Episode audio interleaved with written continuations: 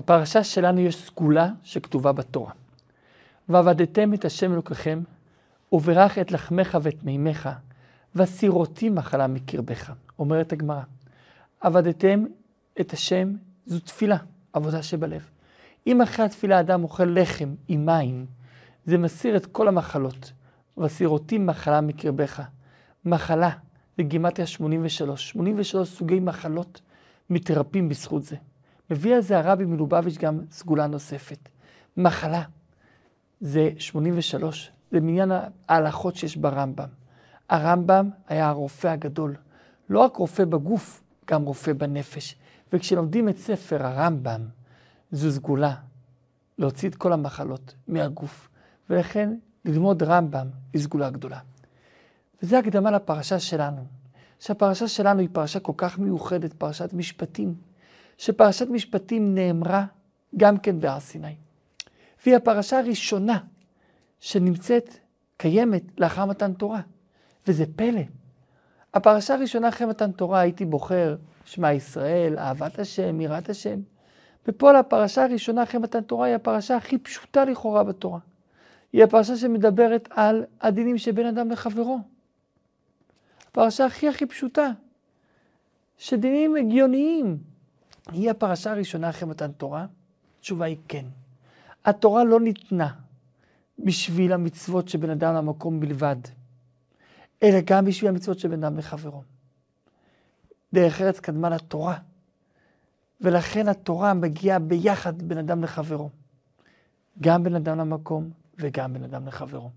אבל יש בזה עוד משהו עמוק. התורה מלמדת אותנו, אל תעשה את המצוות שבין אדם לחברו, בגלל שככה נראה לך בהיגיון. כי היגיון יכול להתחלף. היגיון יכול להיות מבלבל, יום ככה ויום ככה. תעשה את המצוות שבין אדם לחברו, בגלל שככה התורה אמרה. כי אם תעשה את זה בגלל השכל שלך, יכול להיות שיום אחד יבוא האדם ויגיד לך, אתה רואה אותו? אותו, אסור לעזור לו. אתה רואה אותו? ממנו מצווה לגנוב. אתה רואה אותו? מצווה לבייש אותו. כל מיני דברים שהם הפוך מהתורה. אבל התורה אומרת לא, תמיד אסור לגנוב, תמיד אסור לבייש. ולכן צריך את ההיגיון של התורה, לא את ההיגיון שלנו. ולכן גם את המצוות של בן אדם לחברו, אנחנו עושים בגלל שככה התורה אומרת. ולכן זו דווקא הפרשה שמגיעה לאחר מתן תורה. מוסיף את זה הרבי מלובביץ', עוד הסבר שלישי, גם את ההסברים הקודמים הוא אמר, הוא מביא זה עוד רובד שלישי עמוק. המטרה של התורה זה חיי היום-יום. הכי קל זה לאפסן את התורה בבית הכנסת. שם הקדוש ברוך הוא. זה לא המטרה. המטרה שהתורה תהיה איתנו בבית הכנסת וברחוב, בבית ובחוץ, בכל מקום, עם הקדוש ברוך הוא. ולכן התורה ניתנה לנו דווקא בצורה כזאת, שתמיד, תמיד, תמיד נחיה עם התורה. ולכן התורה, דווקא החיים האזרחיים, שזו הפרשה שלנו, היא הפרשה הראשונה אחרי מתן תורה. ללמדך שדווקא החיים האזרחיים, כשאתה מכניס שם את הקדוש ברוך הוא, זו מטרת התורה. בפרשה שלנו יש 118 פסוקים והמון המון מצוות. הרבה. בואו נתחיל. ואלה המשפטים שתשים לפניהם. דבר ראשון, צריך לשים את התורה בצורה נוחה, שיהיה קל ללמוד, שלא יהיה קשה ללמוד. כשולחן ערוך לפניהם, ברור ומוסבר. המצווה הראשונה שאיתה התורה מתחילה זה דיני עבד עברי. כשאדם היה גונב, אז היום מכניסים לכלא, בתורה לא היה כלא. אלא היו מכניסים אותו למשפחה אומנת, שהוא יהיה עבד שלהם. הוא היה נמכר לשש שנים, ובשנה השביעית יוצא חופשי, והאדון היה צריך לדאוג לו להכל. איך שהוא נכנס ככה הוא יצא, אם יצא, נכנס רווק, יצא רווק. אם נכנס עם אישה, הבעלים צריך לדאוג לו לאשתו, לילדים שלו. ואם הבעלים רוצה להביא לו אישה, אז האישה והילדים יהיו שייכים לאדון, לא אליו. ואם הוא אומר, אני רוצה להישאר, אני אוהב את אשתי, את אוהבת ילדיי, לוקחים את האוזן שלו ועושים שם חור קטן ליד הדלת כדי להזכיר לו את מתן תורה, אוזן ששמע לא תגנוב, אוזן ששמע כלים בני ישראל עבדים, ואתה רוצה להיות עבד, ואז הוא מקבל את המסר. אם הוא רוצה בכל זאת, הוא עובד את האדון עד שנת היובל. ממשיכה התורה ומדברת גם כן על דיני אמה עברייה, שהיא לא תצא כדיני העבדים וצריך לדאוג לה. מביא על כך הרבי, זה לא סתם. מיד אחרי מתן תורה אנחנו לומדים על עבד, על עבד, עבודת העבד, קבלת עול, שזה מסר איך צריך ללמוד ולקיים מצוות. ובכלל, מה קורה אם יש לנו אישה שהיא נמכרה לשפחה בתור ילדה קטנה, וכשהיא יוצאת צריך לדאוג לה שלא תצא סתם, אבל אם הוא מחליט להתחתן איתה, צריך להביא לה שאר, כסות ועונה. זאת אומרת פרנסה, מזונות, בגדים והיחסים בין בעל לאישה. ומכאן לומדים גם כן לכל איש ואישה, שזה מה שהוא חייב, כל אדם, להביא לאשתו. התורה אומרת עכשיו לדינים כלליים, דיני המשפטים. אם אדם היכה מישהו ורצח אותו, אז הוא נרצח עליו, הוא ייהרג עליו. ואם זה היה בטעות, הוא הולך לעיר מקלט. וזה לא סתם בטעות, כנראה שהגיע לו. ולכן לא הגיע המוות ולא הגיע שיענש על כך על משהו בשגגה, ולכן הקדוש ברוך הוא סובב את זה, והוא ילך לעיר מקלט. ואם אדם היכה את ההורים שלו והוציא מהם דם, גם כן מות יומת. אם אדם חטף איש, מות יומת. מי שמקלל את ההורים שלו, מקלל את השם, מות יומת. אם אדם הרג מישהו, כשהוא התכוון להרוג מישהו אחר, אז התורה אומרת שפה, אם הוא התכוון להרוג והרג מישהו אחר, יש בזה מחלוקת. אם יהרג עליו או לא יהרג עליו, אבל אם הוא התכוון להרוג אותו והרג אותו, בוודאי לפי כולם יומת. אם אותו אחד שהוא התכוון להרוג אותו, לא מת, אלא נהיה פצוע ואחרי זה קם, אז צריך לשלם לו. כמובן לדיני הרפואה, ואם אחרי תקופה הוא מת, אז זה כבר לא תהיה אשמתו. אבל אם הוא נהיה חולה, או בכלל אם הוא פצע מישהו, צריך לשלם לו חמישה דברים. נזק, צער, ריפוי, שבט ובושת. אם אדם היכה את העבד שלו והוריד ממנו שן, או איבר יותר גדול, כמו יד, זה לא משנה. התורה אומרת בכוונה, ככה או ככה, אז צריך לשחרר אותו תחת שינו, או תחת עינו, תחת העין. בכוונה מביאים דוגמה משן שזה איבר קטן ועין שזה איבר גדול. ומה קורה אם אדם הרג את העבד שלו, אז הוא גם כן ימות עליו, כי זה אמנם הרכוש שלו עבד, אבל הוא לא יכול לטול את הנשמה שלו. אם אדם פצע מישהו, ואמרנו צריך לשלם, ומה קורה אם הוא פצע אישה, ונפלו הבלדות, צריך לשלם דמי הבלדות לבעל. ואם יהיה אסון, נפש תחת נפש, והכוונה היא פה לממון, יד עין תחת עין, שן תחת שן, יד תחת יד, רגל תחת רגל, צריך להביא פיצוי כספי על היד שהוא הוריד לשני.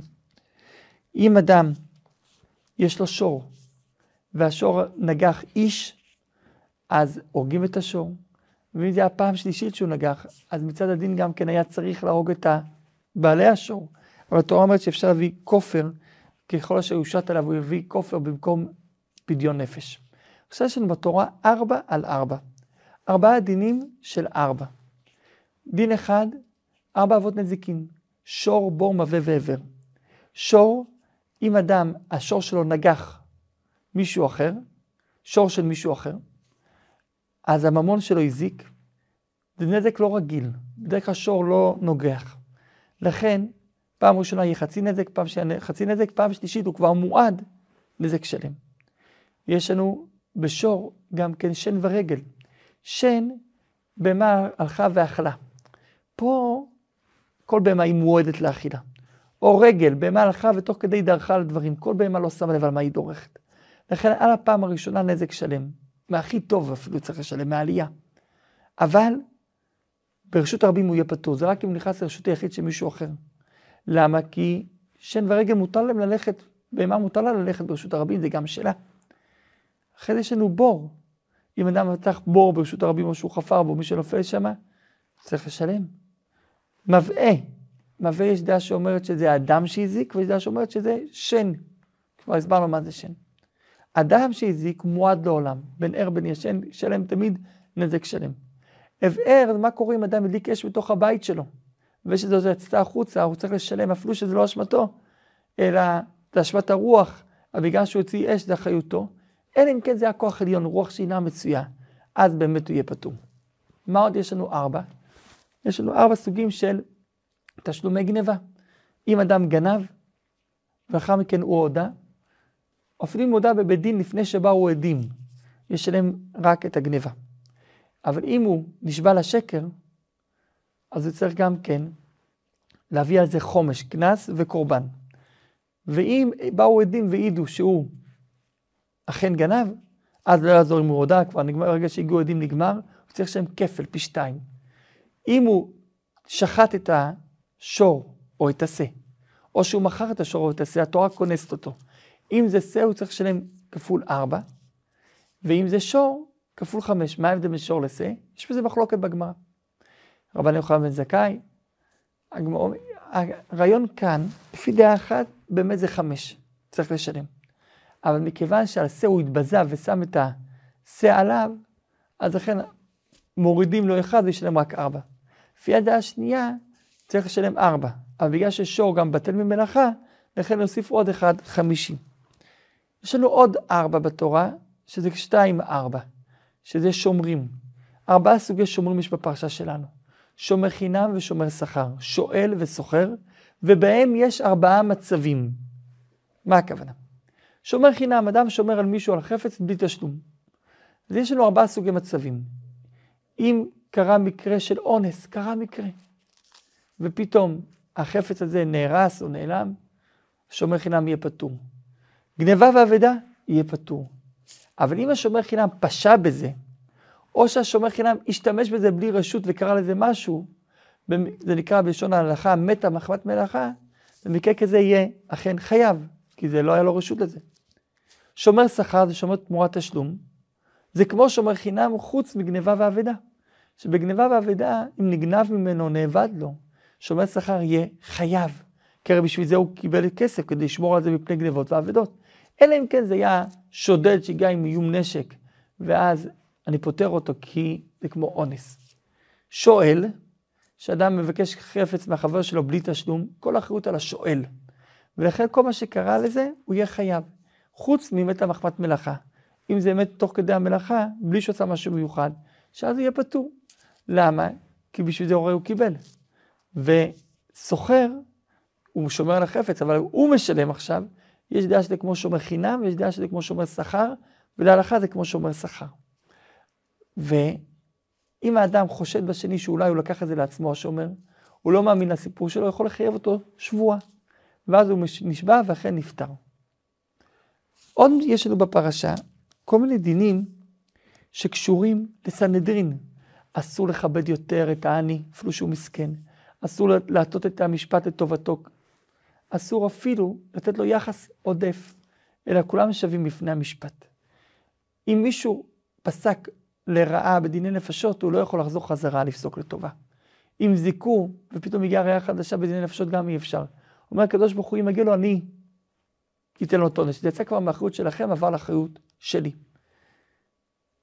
יש לנו עוד הרבה דינים בפרשה שנוגעים לדיני תשלומים. קנסות, אם אדם פיתה נערה, צריך לשלם 30 כסף לאבא שלה, אם אדם, ועוד כל מיני דינים שקשורים לתשלומים.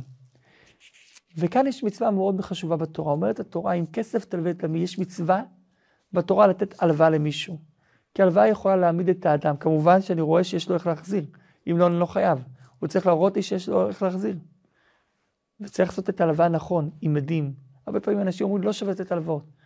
נתתי ולא החזירו לי. נכון? כי לא עשו את זה נכון. לעשות את זה עם עדים, שטר, לראות איך אתה תחזיר לי, בוא תסביר לי, עוד כמה חודשים ייכנס לי כסף, אוקיי. צריך לראות בצורה טובה. זה נקרא, אם כסף תלווה תמיד, זה מצווה מהתורה לתת הלוואה. ואז כשנותנים את ההלוואה, אסור להיות כנושה, אסור להציק לאותו אדם.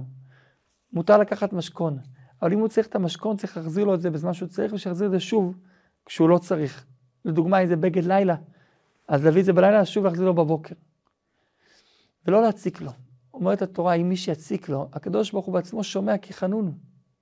הקדוש ברוך הוא בעצמו נתן את היכולת לאחד יותר ולאחד פחות, כדי שאחד ייתן לשני. אז אם האדם לא עושה את חלקו בהסכם, הקדוש ברוך הוא בעצמו ישמע כי הוא חנון. אותו דבר אם יש יתום ואלמנה, וזה לאו דווקא יתום ואלמנה, אלא זה כל אדם חסר ישע, שמציקים להם, הקדוש ברוך הוא בעצמו אומר, אני בעצמו יושיע אותם. ואם מישהו יציק ליתום ואלמנה, אז הוא יקבל עונש שהוא בעצמו יהיה מת, ושלא ידעו שהוא מת.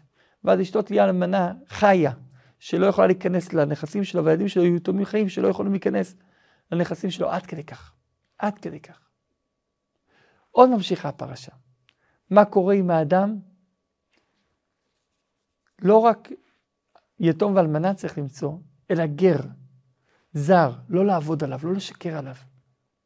אתם עצמכם הייתם גרים, אתם יודעים מה זה גר. תנו יחס טוב לגרים.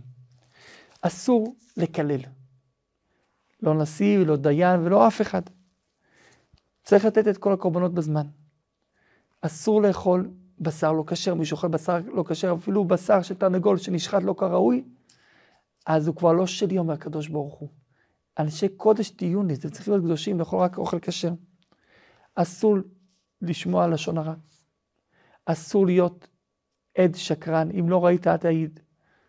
אסור ללכת אחרי דעה שהיא לא דעתך במשפט, אלא אתה חייב להגיד את הדעה שלך. אחרי זה הכרעה, תעשה את ההכרעה.